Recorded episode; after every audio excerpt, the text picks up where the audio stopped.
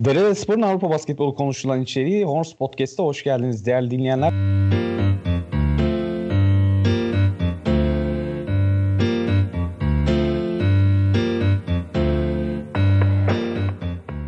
Bugün ben yine Kutluhan Koca'dan Mert Özgün'le beraber Euroligi ve temsilcilerimizi konuşacağız. 2'de 2 ile ayrıldığımız bir hafta Efes'in Barcelona deplasmanı galibiyeti ve Fenerbahçe'nin çok kritik Zenit galibiyetini gördük. Abi nasılsın? Eyvallah. Teşekkürler. Sen nasılsın? Valla gayet iyiyim. Çok iyiyim. Çok kritik iki maç. Çok kritik iki galibiyet. Hı-hı. Ve e, şaşalı e, diyebileceğimiz galibiyetler. Çünkü çok zorlu galibiyetler. Çok farklı galibiyetler olmasa da öyle adlandırabiliriz diyelim ve İstanbul'daki galibiyetle Fenerbahçe Beko'nun Zenit'i yendiği maçta istersen başlayalım. Neler gördün? Neler e, aktaracaksın? Neler gördüm?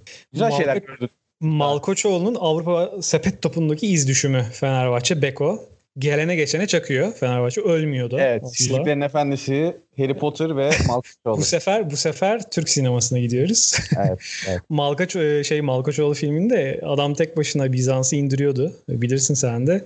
E, Fenerbahçe'de Euro Ligi teker teker öpüyor yani 9 maçtır falan. 9 maç oldu değil mi seri? 9 maç oldu. 9 maçtır. Gerçi Efes de geliyor şimdi arkadan e, ufak ufak. E, Avrupa'yı iki temsilci beraber inletecekler muhtemelen de. E, Vallahi, Şu an Fenerbahçe özelinde. Nasıl? Senle, senle konuşmuştuk hatırlıyorsun. Bizim bir korkumuz var o konuyla alakalı. Şimdi onu söyleyecektim ben de. Tamam.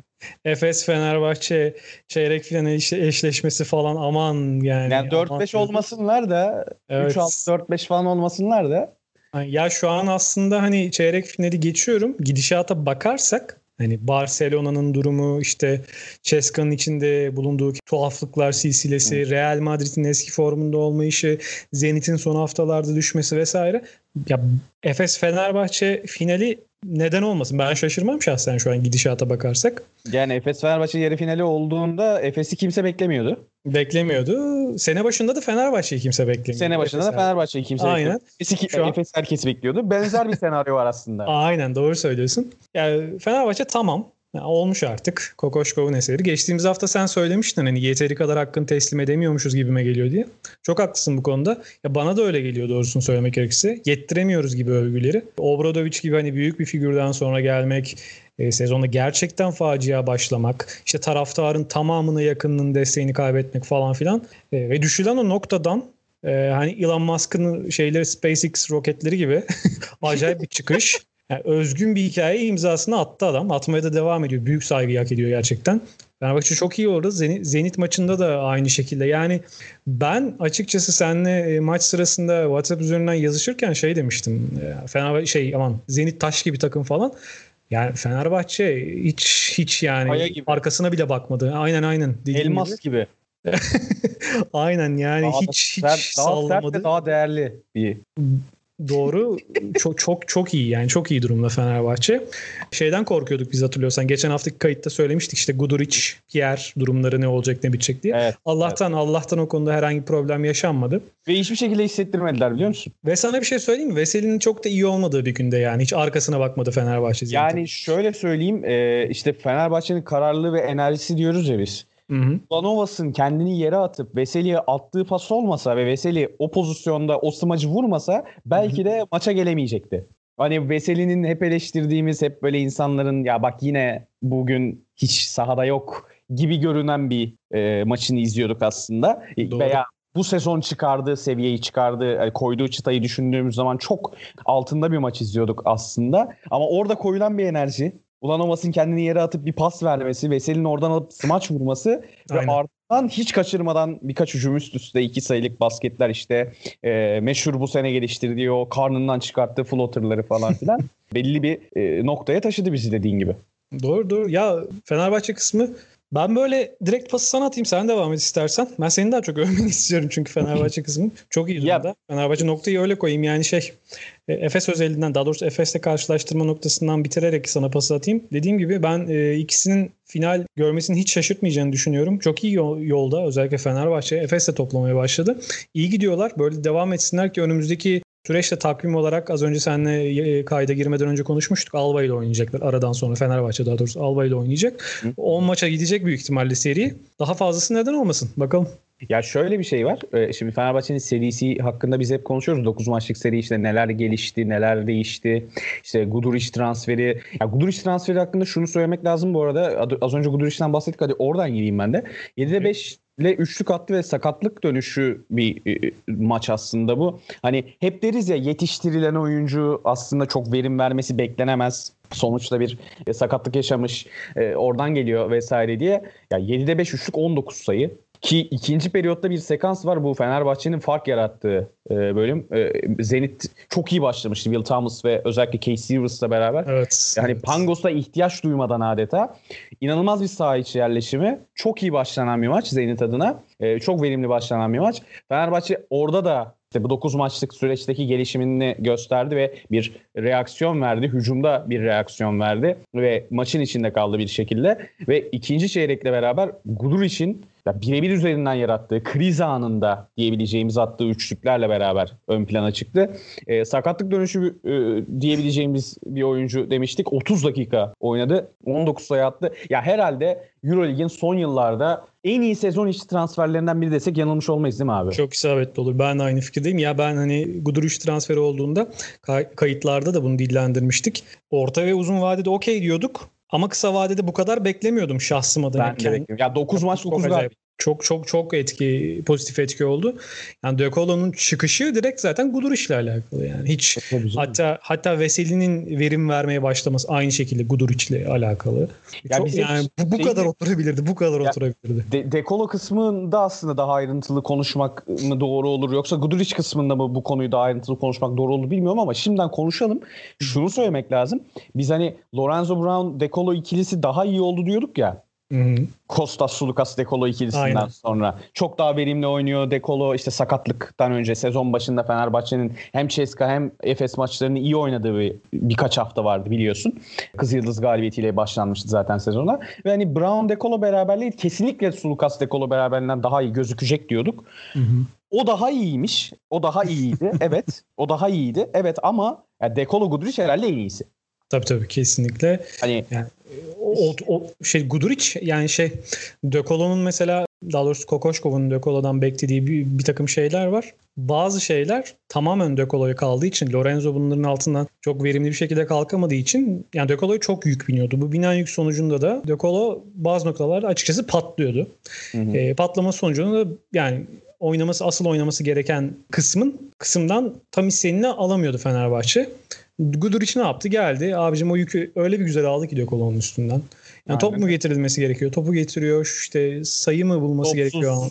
Her Topsuz şey yapıyor ya. Her şey yapıyor adam. Aynen öyle. Yani çok çok yani şey de var mesela hani biz ikinci periyottaki Guduric etkisinden bahsediyoruz ama ilk periyotta mesela işte o Guduric aslında yük alma işini yaptı ikinci çeyrekte. Çünkü ilk çeyrekte de hatırlarsın ilk 35 saniyesi maçın bizim afallamamızla geçti. Yani Zenit, yani Zenit bir anda alan savunmasıyla başlayınca ne oluyor lan ne yapıyoruz? Ne oynuyor bunlar gibi bir şeyle başladık biz. Ama çok normaldi yani. Çok daha kısa bir beşle çıkıyorlar. Ee, biz daha çok biz çok daha fizikli bir beşle çıkmıştık. Ters eşleşmeleri çok rahat kullanabilecektik. Veseli'nin birazcık daha verimini düşüren e, etkenlerden biri de yaptıkları 2-3 alan savunması oldu aslında. Ne kısa devrilme üzerinden Veseli top dağıtabildi, ne tepeye çıkıp oyun kurabildi rahatlıkla. E, çok büyük sıkıntı yaşayabilirdik. O noktada da işte Gudur için topsuz oynayabilme özelliği ortaya çıktı. Topsuz koşuları ortaya çıktı. Hücum temposunu artırma özelliği ortaya çıktı topsuz alanda ve toplu oynayan anda dekolonunda arkadaşlarını çok daha rahat bulabildiği bir sekans izledik ve işte aslında Casey Rivers ve Will Thomas'ın o iyi başlangıcına bizim e, hücumda düzenimizi boza, bozmaya yönelik aslında Zenit'in yaptığı savunmaya da bu şekilde karşılık vermiş oldu Fenerbahçe Beko ve ilk Aynen. periyodu bir şekilde berabere tamamlayınca, üretken tamamlayınca devamı da geldi. Hiçbir şekilde maçta e, momentum kaybetmedik. Bir üçüncü periyodun sonu ve dördüncü periyodun başında momentumu kaybettik. O süreçte de zaten 17 birlik seri geldi abi. Aynen öyle. Doğru, doğru söylüyorsun. Yani 17 e, birlik seriyi sen mi yorumlamak istersin? Muhtemelen bana bırakıyorsun orayı da. Ben ya. sana bıraktım, sana bıraktım. Senden gidiyorum. şöyle, e, şimdi o kısım o kısmın başlangıcı Melih'in üçlüğü olması aslında birazcık da özel.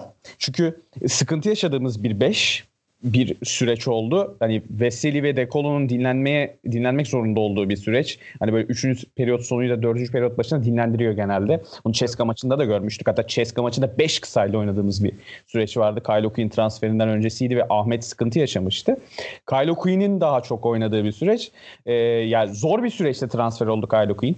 Çok Hı-hı. kritik 3 maçın ikisinde oynamak durumunda kaldı. Maccabi maçında çok süre alamadı zaten. Kimki deplasmanına gidemedi. Zenit maçı da çok zor bir maç. Yani deve ya şu an gibi bölüyorum lafını kusura bakma. Hemen araya bir detay sıkıştırayım, not sıkıştırayım. Hani şu an e, seninle de yaz, daha önce konuştuk bunu. E, şu an sanki pek hani oturmamış bir, görüntüsü var ama bu bence tamamen senin de dediğin gibi geldiği zamanla ve de rakiplerle biraz alakalı. Aynen öyle. Tamamen onunla alakalı. Yani biraz Gerçekten. daha beklemek lazım şöyle söyleyeyim. Biz bu seriyi yakalayıp üstüne Olympiakos, Asvel, Alba gibi takımlarla oyna, oynayacak olsak ki Alba ile oynayacağız bir diğer maçta. Bu arada Hı-hı. Petkin maçı bitti az önce. Petkin maçının en skorer ismi oldu. Yani Türkiye Ligi'nde de oynamaya devam edecek. Hı-hı. Euroleague'de de hani bir tık e, düşük e, takımlara, düşük seviyedeki takımlara karşı en azından hani e, kalite baremi birazcık daha düşük takımlara karşı e, daha nasıl diyeyim e, ritim bulabilir e, gibi Bulabilir gözüküyor. ya Veseli dinlendirsin. E yeter canım. Vasat ve altı maçlarda kafi. Başka bir şeye gerek yok. Tabii. Ya Veseli'yi Mayıs Mayıs dedim Allah söyletti. Nisan ayına e, Mayıs dedik. Evet. Artık Mayıs dedik abi. E, Nisan ayına Veseli'yi e, playoff'a e, diyelim Veseli'yi e, ve e, Guduric Dekolo ikilisi bunu çok iyi başarıyor mesela. Veseli Nisan ayına dinlendirerek götürebilirse, o yükü alarak götürebilirse yani çünkü Ocak ayının MVP'si olan Veseli e, sezonun MVP'si de olur. Bütün sezonu onu yayması evet. zor. Zor zor. İnişler çıkışlar olabiliyor. Zaten korona sezonundayız. Pandemi sezonundayız. Tabii. Çok daha zor. Veseli korona geçirdi mi? Geçirmedi diye biliyorum abi. Ben de öyle bir. Ya aman yani. Hani antikor mu antikor acaba dedim varsa yani ya doğal bir koruma de, doğal bir koruma olabilir de o yüzden ondan sonra. Ya geçiren geçiren bile ikinci defa geçirdiği için onun ya öyle tabii de. Bir, bir de biz Fenerbahçe bek olduğumuz için abi e, bizim başımıza gelir. Bizim başımıza. Ama bu sene bu sezon iyisiniz ya. Bu sezon maşallah var yani. E, son bir, son bir buçuk iki ayda evet yani evet. Allah Allah şükür çok fazla sakatlık da Bartel dışında diyelim. Hı hı e, bizi çok etkileyecek. Yani şöyle geçen ama. sezonki mesela e, Fenerbahçe olsaydı Pierre'le Guduric bu büyük ihtimalle 3 e, 3 ay falan yoktu yani. 2-3 ay yoktu o şanssızlık haliyle. Valla geçen sezonki Fener olsaydı 3 ay yoktu. Ondan önceki sezonki Fener olsaydı Pierre'le Sezonu kapatmıştı. Pierre'le Guduric Zalgiris'te Valencia'da falandı. Doğru. Lovern şu anda Zalgiris'te biliyorsun Valencia'da iki basketbolcumuz evet, oynuyor evet. falan filan. Neyse. Ee, ya dediğimiz gibi son periyotta çok e, özel bir enerji yine o Dekolo'nun dinlendiği kısmın dönüşündeki evet arkadaşlar ben girdim sahaya ve bu maçı almaya geldim deyişi hı rakip takıma. Ee, ve Dekolo'nun faul alıp sürekli e, pot, e, serbest atış çizgisine gidişi benim en çok değindiğim noktalardan biriydi bu. Çünkü sen yıldız oyuncusun ve bunu yapman lazım. Evet Ceska'daki kadar kolay düdük alamayabilirsin. E, ama e, bir şekilde bunu sağlaman lazım. Bunu yapman lazım. Çünkü oyunun tıkandığı anlar olabilir. Bu, bu tarz kritik maçlarda çok daha fazla olabilir. Ama e, bir şekilde e, bunu başarmaya devam ediyor Fenerbahçe. Dekolo ile beraber üretmeye, Guduric ile beraber üretmeye devam ediyor. Veseli'nin çok çok iyi olmadığı bir günde dahi Zenit gibi bir rakibi yenebiliyor.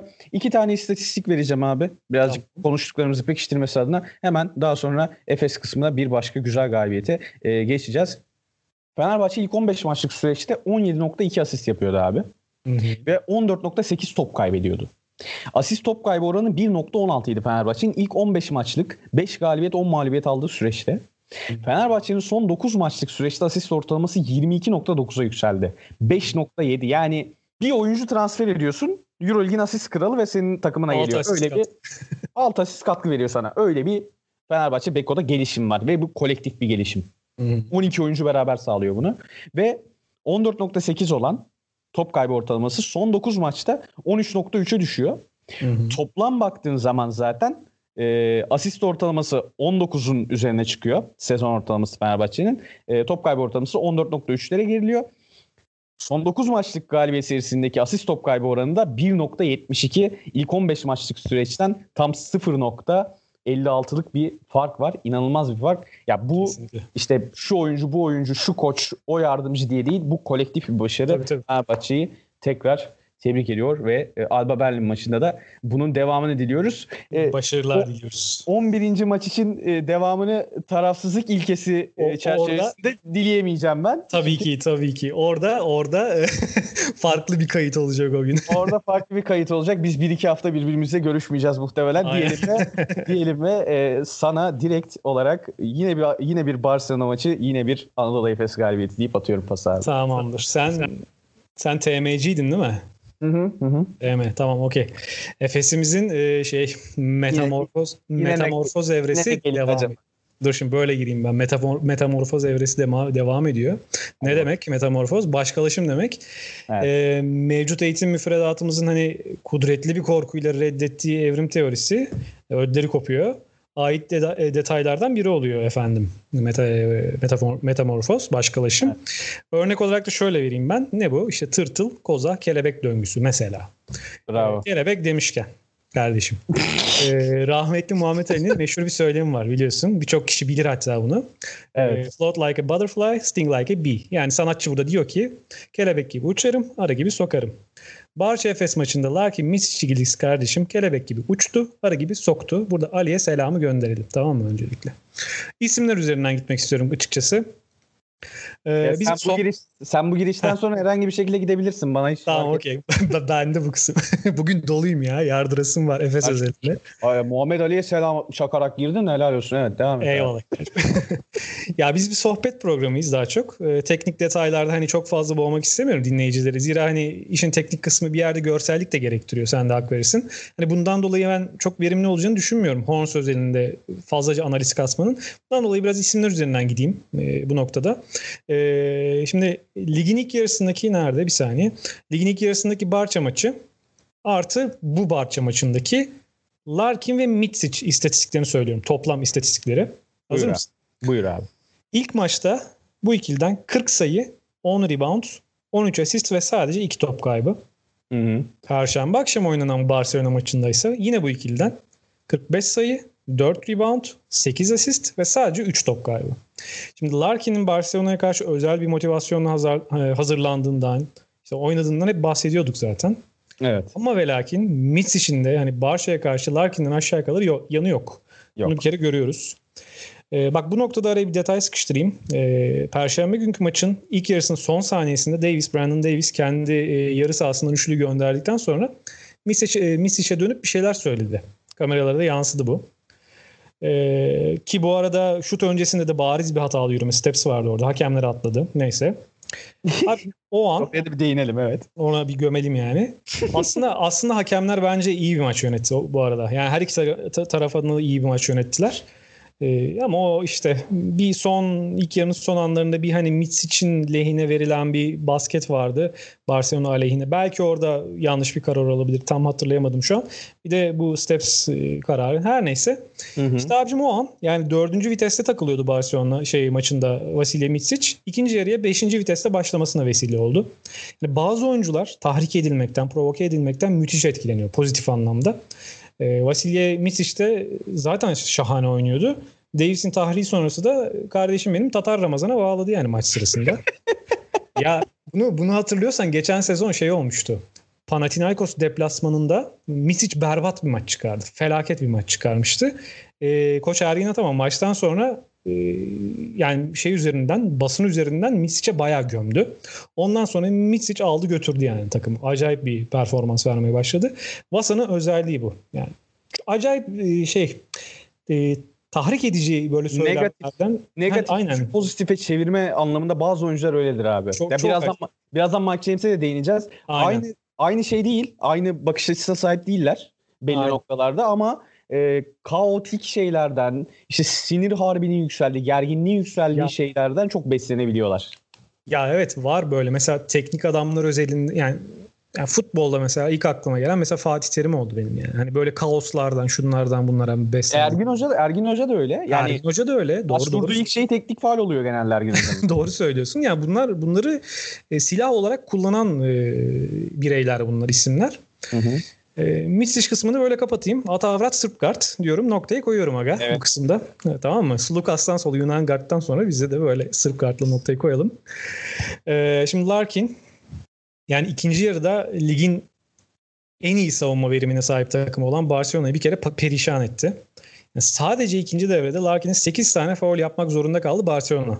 Evet. Bak zorunda kaldılar diyorum. Yani ya hani 9 faul. Ya top ya bu arada sen şeyi söyledin işte Larkin'le Misic'in istatistiklerini saydın bu maçta 45 sayı atıldı toplam falan filan diye. Hı hı. Çok doğru bir noktaya parmak basıyorsun. Toplam 16 tane de faul yapıldı. Heh işte. Yani ya periyot başına periyot başına ortalama 4 faul Larkin Misic ikilisine yapmışlar zaten. Hani faul haklarını faul haklarını Larkin Misic'te doldurmuşlar zaten. Dolduruyorlar. Gerisi, gerisi çizgiye gitmiş gibi bir şey var. Aynen. Ya hele hele bir ara Mirotic'i bir ara ya öyle bir bez, bezdirdi ki e, Larkin çemberi ataklarıyla çok acayipti. Ya şeyin odaklandığı zaman, ayakları yere sağlam bastığı zaman kıta Avrupa'sının en iyisi. Ee, yani kendisi hakkında benim tek ayar olduğum nokta daha önce de bunu belirttik, belirttim. Ya işler kötüye gittiğinde dibin dibini görüyor, magmayı görüyor. Çok kafayı çok ya kafayı bir anda yeri ee, evet. Çok ya Mitsic de böyle aslında maç içerisinde. Ee, yani iki gardın Efes'in iki gardının da psikolojik olarak bu kadar hani fazla etkilenmesi bir anlamda handikap. Ee, ama tabii gülü seven dikenine katlanıyor. Yapacak bir şey yok. Böyle kabul ediyoruz artık yani. onları. Şimdi Sertaç Şanlı'ya geçelim. Abi Sertaç ben, yani, yani şöyle sen geçen hafta şey demiştin. İşte Bryant Dunstan'ın e, as, asil e, as e, pivot performansını sorgulatan bir e, performans sergiledi diye söylemiştin Kızı Yıldız maçı özelinde. Ama e, dakika olarak da e, yine performans olarak da yine e, sorgulattı Brian Dunstan'ın e, as pivot ya kimliğini 10 dakika aldı Dunstan. 29 dakika sahada kaldı Sertaç ve 12 sayı 8 reboundla e, double double'ın kıyısından döndü ve ya o kadar doğru yerde duruyor ki hücumda. Ya bu şeydir. E, futbolda golcüler için konuşulur hmm. biliyorsun hani doğru yerde durma işte golü koklama falan. Sertaç Misic sahadayken e, Misic top elindeyken Simon top elindeyken e, Larkin'in top elindeyken adeta basketi kokluyor ve çok doğru yerlerde konumlandığı evet. için ya şey deniyor işte Abi pas alıyor, smacı vuruyor. Evet ama o pas almak için çok doğru bir yerde konumlanıyor Sertaç ve şutunun olmasının da e, tehdit edici bir şut olmasının da bunda çok büyük etkisi var ve Sertaç bunu son iki senede nasıl kullanacağını çok iyi öğrendi. Geçen seneki şut performansı da Euroleague'e bunu öğretti adeta ve e, çok büyük avantaj yaratıyor. 9'da 6 ile mü- mükemmel bir verimle oynadı. Sana bırakıyorum sözü. Doğru. Ya itiraz geleceğini ben de sanmıyorum hani. E, o yüzden son derece rahatım şunu söylerken. Ben Efes'in as pivotunun artık e, Sertaç Şanlı olduğunu düşünüyorum e, ufaktan ufaktan. E, gösterdiği gelişim sen de söyledin inanılmaz. İhtiyacı olan tek bir şey vardı. Ergin Hoca'nın kendisine formayı vermesiydi. Ya da kendisinin hani Ergin Hoca'dan formayı kapmasıydı. Bu oldu. Hı hı. E, Dunstan günden güne veteranlığın hani o etkilerini hissetmeye başladı ufak ufak. E, Plyce fiziksel durumu her zaman soru işaretli bir e, pivot. Ee, o durumu yani Plyce'ın durumu koçu, teknik ekibi efendim. Şunu söyleyeyim. Dunstan konusunda biz konuşuruz işte Aspivotlu'nu sorgulatıyor falan. Dunstan hala Euroleague'in en çok zaten tam onu söyleyecektim ben de. En iyi blok yapan oyuncularından biri, en iyi savunma yapan oyuncularından evet, evet. biri ama sen işte Nisan ayı biz e, Queen Veseli ilişkisinde de buna değindik az önce. Sen hmm. eğer Nisan ayına yıldız oyuncunu hazır sokmak istiyorsan bu tarz verimleri normal sezonda alman lazım. Tabii tabii. Dansını bir şekilde dansını bir şekilde koruman lazım. Yani göz sakatlığından çıktı. İşte hazır değil bir şekilde hazır değil belli yani ve bu süreçte hazır olan ve formda olan Sertaç'ı bir şekilde kullanman lazım. Bizim Ergin Hoca'yı eleştirdiğimiz noktalardan biri buydu. Hı hı. Geçtiğimiz haftalarda alınan mağlubiyetlerde. Bugün övüyorsak da bu alışkanlıktan vazgeçip Sertaç'a 29 dakikayı verdiği için övüyoruz e, Ergin Hoca'yı. Tabii ki. Sen az önce bir de e, şey söylerken Fenerbahçe kısmında elmas örneği verdin. Efes'te de e, Sertaç yani elmas gibi ışıl ışıl parlıyor bu aralar. Hı hı. Ya, savunmada duvar, post-up desen var zaten. E, orta mesafeleri adamı zaten alamatif harikası. Hani yeri geliyor üçlükleri de gönderebiliyor. Nazar değmesin gerçekten. Ya Sertaç'ın varlığı hem Efes açısından hem de milli takım açısından çok önemli. Bu arada sen yine Dans'ın örneği verdin az önce. Değindin Dans'ına.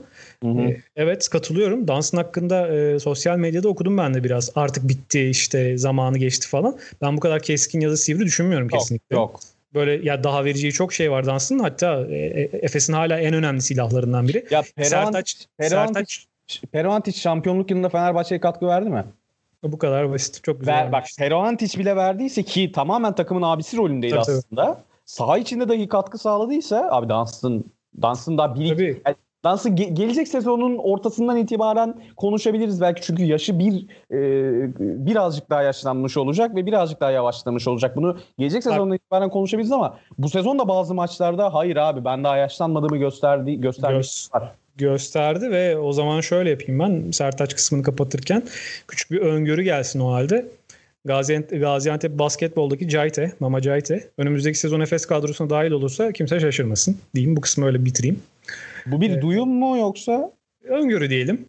Öngörü diyelim. Şaşırılmasın. Öngörü. Tamam şimdilik öngörü diyelim buna. Tamam okey. Ee, ee, bu arada ben şeyi ekleyeyim abi. Ee, nereye geçecektin? Onu şey kısa bir öyle Kruno'ya Singleton'a değinecektim de buyur senden ha, geç. Şöyle Singleton'a şöyle değineyim sana hemen pas atmış olayım tamam. hem. E, Kruno'ya daha e, alan açayım hem de. E, Sertaç'ın bu kadar e, iyi performans göstermesini veya iyi görünmesinin bir numaralı sebeplerinden biri de bana göre Singleton ve Muerman'ın bu sezon boyunca istikrarlı olarak gösteremedikleri katkıyı bu maçta göstermiş olmalarıydı. Hem alan açma açısından onların evet. şutuna ihtiyaç ihtiyacı var Efes'in. E, Misic'in de buna ihtiyacı var. Sertaç'ın da buna ihtiyacı var. Boboğan'ın da ihtiyacı var. Herkesin ihtiyacı var. Bu 2-4 numaranın vereceği şut katkısına ve vereceği rebound katkısına özellikle Sertaç'ın çok ihtiyacı var. Sertaç kendi başına 8 rebound aldı ama bu 4 numaralardan da toplam 5 artı 2 7 reboundluk bir katkı alıp e, kendini e, kendi eksiklerini kendi açıklarını iyi kompanse e, etti e, diyebiliriz. Bu 2-4 numara Sertaç'ın açıklarını iyi kompanse etti diyebiliriz. Yani e, çok istikrarlı katkı alamadığımız iki oyuncuydu. Aynı maçta çok kritik bir maçta Barcelona deplasmanında bu katkıyı vermeleri çok güzel oldu diyelim ve Singleton, Simon kafana göre takıl abi. E, Okey ya doğru söylüyorsun. Mesela Ergin, Ergin Ataman'ın yıllardır zaten oyun planı, basketbol düşüncesi, modern basketbol uygun olan düşüncesi hep 4 numaralardan katkı almak üzerine kuruludur. Yani zamanında mesela Galatasaray'ı çalıştırırken Ergin Ataman Zoran Ersek üzerinden çok fazla oyun kuruluyordu.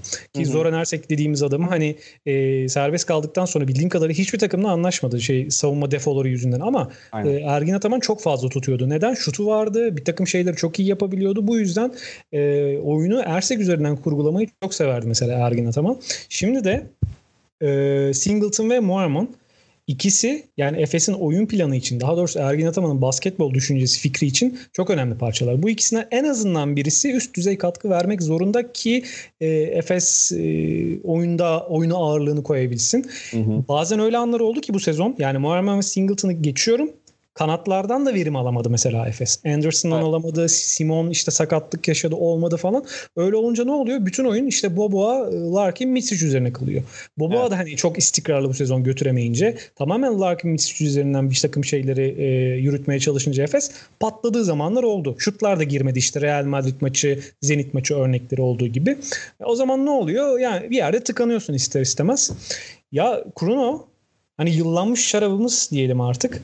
Adam hani çok fazla sayı katkısı vermedi ama az önce sen de bahsettin. Sertaç'a o verdiği indirdiği paslar özellikle pick and roll sonrası o devrilmeler üzerindeki e, Sertaç'ı görmeleri olsun. işte Mitiş de benzer şeyleri yapmıştı. Ya e, şey gibi hmm, yine Galatasaray örneği vereyim. vereyim.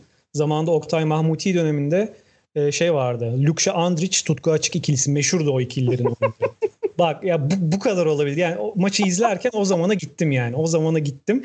Gurme örnekler bunlar. Ha o zamana gittim. Çok çok e, şeyler birbirlerini iyi tamamlıyorlar Kruno ile Sertaç ikilisi. Singleton'a ayrı bir parantez açalım. Yani sezon başından beri hep ya olacak mı olmayacak mı işte verim verecek mi vermeyecek mi diye bekliyoruz bekliyoruz. Üzümlü kekimiz Singleton abimiz sonunda ondan da bir katkı alabildik yani. O da, Barcelona, o da Barcelona görünce e, Palau Blaugrana görünce Aynen. bir kafayı yiyenlerden hafif. Aynen. özel işte motivasyon e, evet. burada devreye giriyor. İkisi de çok iyiydi. Çok verimlilerdi. Boba ve Muerman da iyiydi. Boba'nın özellikle skor katkısı iyi, iyi yerlerde geldi. E, takım genel olarak yani kötü oyuncu yoktu diyebilirim maç esnasında. İşte Dunstan biraz hani vasat, vasat takıldı diyelim hadi. Eşiteydi ama onda şeydi az önce de bahsettik. Şimdi Efes kısmında ben bitiriyorum. Bitirmeden önce tabii ki de e, Ergin Ataman'a değinmemiz gerekiyor. Nasıl kötü olduğu maçlarda yerdiyse Yerdiysek. övmemiz gerekiyor. Önceki haftalarda çapımız yettiğince naçizane eleştirdik kendisini. Ee, özellikle ben biraz da taraftar refleksiyle, refleksiyle daha da koyuydum e, hocaya karşı. Koç içerideki Madrid maçında Lasso'ya, Pablo Lasso'ya işte iki hafta önceki Zenit deplasmanında da koç e, Xavi Pascual'e coaching anlamında ciddi şekilde kaybetmişti yani. Bu Hı. barizdi. Fakat aynı Ergin Ataman e, bu Barcelona maçında e, Şaras Yasikevicius'u tamamen devre dışı bıraktı. E, özellikle e, Barcelona'nın ikinci yarıya double team trapleriyle başladı. Hemen ikinci yarının baş, başında yaptı bunu. Ön alan savunma baskısı. Hı hı. Anında müdahale etti. Hatta o sırada maçı izlerken gözüm Ergin Hoca'ya kaydı. Anında müdahale etti. Ee, nasıl müdahale etti? Takımın parkeye dağılımında ufak iki, iki, iki, iki adet oynama yaptı. E, pot altından topu çıkarırken sadece Larkin ve Misic topları taşımaya başladı. Normalde böyle ikili sıkıştırmaları çözmek için orta sahanın ortasına bir tane uzunluğu dikersin. Ergin Ataman buralarda iki uzunla ya da bir uzun bir kanatla orayı tamamlayarak e, pas açılarını çeşitlendirmiş oldu Larkin'le Mitz için. Ve bu sayede yani Şaras'ın o plan tamamen devre dışı kaldı. Bu şahane bir dokunuştu bence. Hı hı. E, ki zaten e, nitekim Efes hani e, bu hamleye karşı sıfır top kaybıyla oynadı maç sırasında. Hiç top kaybetmedi. Hiç işe yaramadı Şaras'ın planı. Hocanın Efes, rotasyon tercihi. Efes toplamda da 6 top kaybetti bu arada. Efes sadece 6 top kaybetti. Çok büyük yani çok e, iyi bir istatistik. Hı hı. Yani hocanın rotasyon tercihleri de çok yerindeydi. Harika ayarladı dakikaları. Oyuncuları çok iyi dinlendirdi. Beklediğimiz, bildiğimiz, görmek istediğimiz Ergin Ataman bu. E, çünkü biliyoruz biz geçen sezondan, bir önceki sezondan biliyoruz Ergin Ataman'ın nasıl bir coaching sergileye, sergileyebileceğini. Hı Efes'te geliyor Kutlu inşallah. Gelsin hoş geldin. Fenerbahçe, Fenerbahçe ile beraber yani e, yani iki ekibimiz şöyle bir Euroleague finali patlatırsa neden olmasın? Öyle bir sezon ki Şimdi biraz sonra değineceğiz Ceska kısmında. Öyle bir sezon ki hani Barça, Ceska, Real Madrid Final Four dışında kalsa hiç şaşırmam yani bu kadar rekabetçi bir sezon. Enteresan bir yere gidiyoruz bakalım. Ya bu işte hani şey denir ya hani pandeminin EuroLeague'e etkisi yani EuroLeague'in pan, e, e, EuroLeague'in yönetimine etkisi çok fazla oldu ve olumsuz oldu biliyorsun. Tabii tabii. E, Final Four'una etkisi de bu kadar büyük olursa hakikaten ayrı bir şekilde konuşulacak, ayrı bir şekilde e, nasıl denir e, tartışılacak diyeyim bir sezon olur dediğin gibi ve Efes dediğin gibi geliyor. E, 8. sıraya Zalgiris'in de maç oynamaması, Covid nedeniyle ertelendi Zalgiris'in maçı. E, Zalgiris'in de maç oynamaması nedeniyle matematiksel olarak da 8. sıraya çıktı Efes ve, ve Fenerbahçe'de 6. sırada. Ve bu hafta da çok güzel sonuçlar oldu yani bizler için. Tabii tabii. Ee, Ceska kaybetti. E, kim kaybetti? Real Madrid değil mi? Tabii Real Madrid kaybetti. Real Madrid kaybetti. Olympiakos kaybetti. Bir şey de kaybetti. Biri daha kaybetti ya. Hmm, Milano, Milano kaybetti. Milano. Milano da kaybetti evet. Milano da kaybetti. Ya da Milano kaybetti mi? Kaybetti kaybetti eminim ben. Azvele kaybetti galiba Milano. Aynen aynen aynen. Yani çok güzel sonuçlar geldi ve bu güzel sonuçlar birkaç haftadır geliyor. Bunları değerlendirmek ya, lazımdı ve bir bak, şekilde değerlendirdi. Bak takımını. şöyle söyleyeyim. Hani mesela Efes şu an o erteleme maçını Maccabi maçını kazanırsa e, lider Barça'yla 3 maç. 3 maç. ikinci Ceska ile 2 maç diferans olacak ya. İki Daha maç. önce böyle bir Euroleague sezonu ben hiç hatırlamıyorum. Ne gördüm ne duydum ya. Yani 8. şu anda Efes ve evet yani 3.5 ve 2.5 maçlık fark var. Birinci evet. ve ikinciyle arasında diyelim ve ikinciye geçelim abi. Valencia Ceska maçı iki kez uzatmaya gitti. Yine Ali Emre Dedeoğlu'nun anlattığı enteresan bir maç. Ya sorma orada zaten şey e, Fenerbahçe'nin eskilerinin daha doğrusu Kalinic daha çok herhalde örnek evet. vermemiz gerekiyor. Evet. Bir an bir tarafta e, hani az önce Misic örneğini verirken sen James'e de değinmiştin şey nasıl ifade edelim yani böyle kaoslardan beslenen, kaosları seven negatiflerin aşığı bir abimiz Mike James abimiz 37 sayı.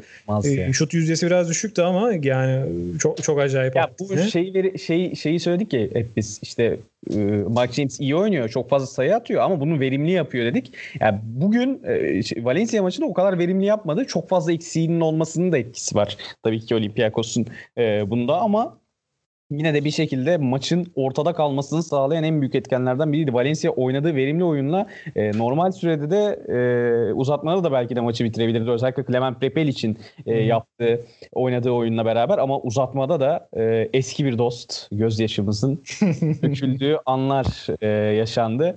E, Kalinic'in etkili oyununu gördük. Ya dediğin gibi aşırı verimli oynamadı ama yine 37 sayıyı enteresan enteresan şutlarla izletti bize. Evet evet ya çok çok değişik bir karakter, çok değişik bir figür. Yani EuroLeague'de kalmayı umarım devam eder. Hani ben önümüzdeki sezon Ceska'da devam edeceğini zannetmiyorum. Ee, ya büyük ihtimal ben Real Madrid falan bekliyorum ben kendisinden ama bilmiyorum yani ne yapacaklar şimdi Ceska devam eden geçen sezon 3 sene 3 sezonluk kontrat imzalamıştı çünkü nasıl olacak nasıl bitecek fikrim yok ama Umarım Euroleague'de devam eder ve kendisini izleriz. Çünkü şundan dolayı söylüyorum. Büyük ihtimal önümüzdeki sezon Larkin'de olmayacağı için Mitch beraber büyük büyük ihtimalle ikisi de NBA yapacaktır. Ee, yani çok fazla kan kaybetmemesi gerekiyor Euroleague'in Avrupa basketbolunun. Zaten az evet. sayıda. Ya marka değeri açısından marka evet. değeri zaten çok çok yüksek bir e, seviyede değil. Daha da düşmesi açısından. Düşmesi. açısından evet. E, önemli gitmemesi. Bu arada ya Ceska maçıyla alakalı bir küçük şey daha değinip yavaştan geçelim. Süremizin de sonuna geliyoruz. Tamam. E, ya Militinov hakkında konuşmuştuk ya Euroleague'in en iyi reboundçusu. Ceska'nın rebound e, liderliğinde e, liderliğini pekiştiren bir numaralı faktör diyorduk. Yani Milutinov'un oynamadığı ilk maçta Ceska 35 rebound alırken Valencia 50 tane rebound aldı. Ne kadar fark ediyor ya bir oyuncu ya, bile. Bu işte yani bazı şeyleri yani çok şeyi istatistikle açıklamamak lazım. İstatistik her şeyi yansıtmaz falan abi. İstatistik bunu yansıtıyor. Ya bu istatistik, şu, bu istatistik yansıtıyor yani. Ya meşhur bir muhabbet var ya işte kısa etek gibidir hani tam birçok şeyi gösterir ama tamamını göstermez diye ben istatistik hakkında söylenen bir söz vardı. Sir Alex Ferguson'a mı aitti bu Aynen, aynen. Ona aitti. Ya ben doğru, doğru ama yani söylendiği gibi birçok şeyi de gösteriyor. Yani bu ya, birçok şeyi bu, gösteriyor bu kontekste yani Ceska'nın rebound probleminde ya bu uzun vadede devam eder mi? Dublev çok iyi bir rebound çünkü ve evet. 12 rebound aldı ve uzatmanın büyük Şimdi ukde. Ah ah. Ya belli olmaz abi.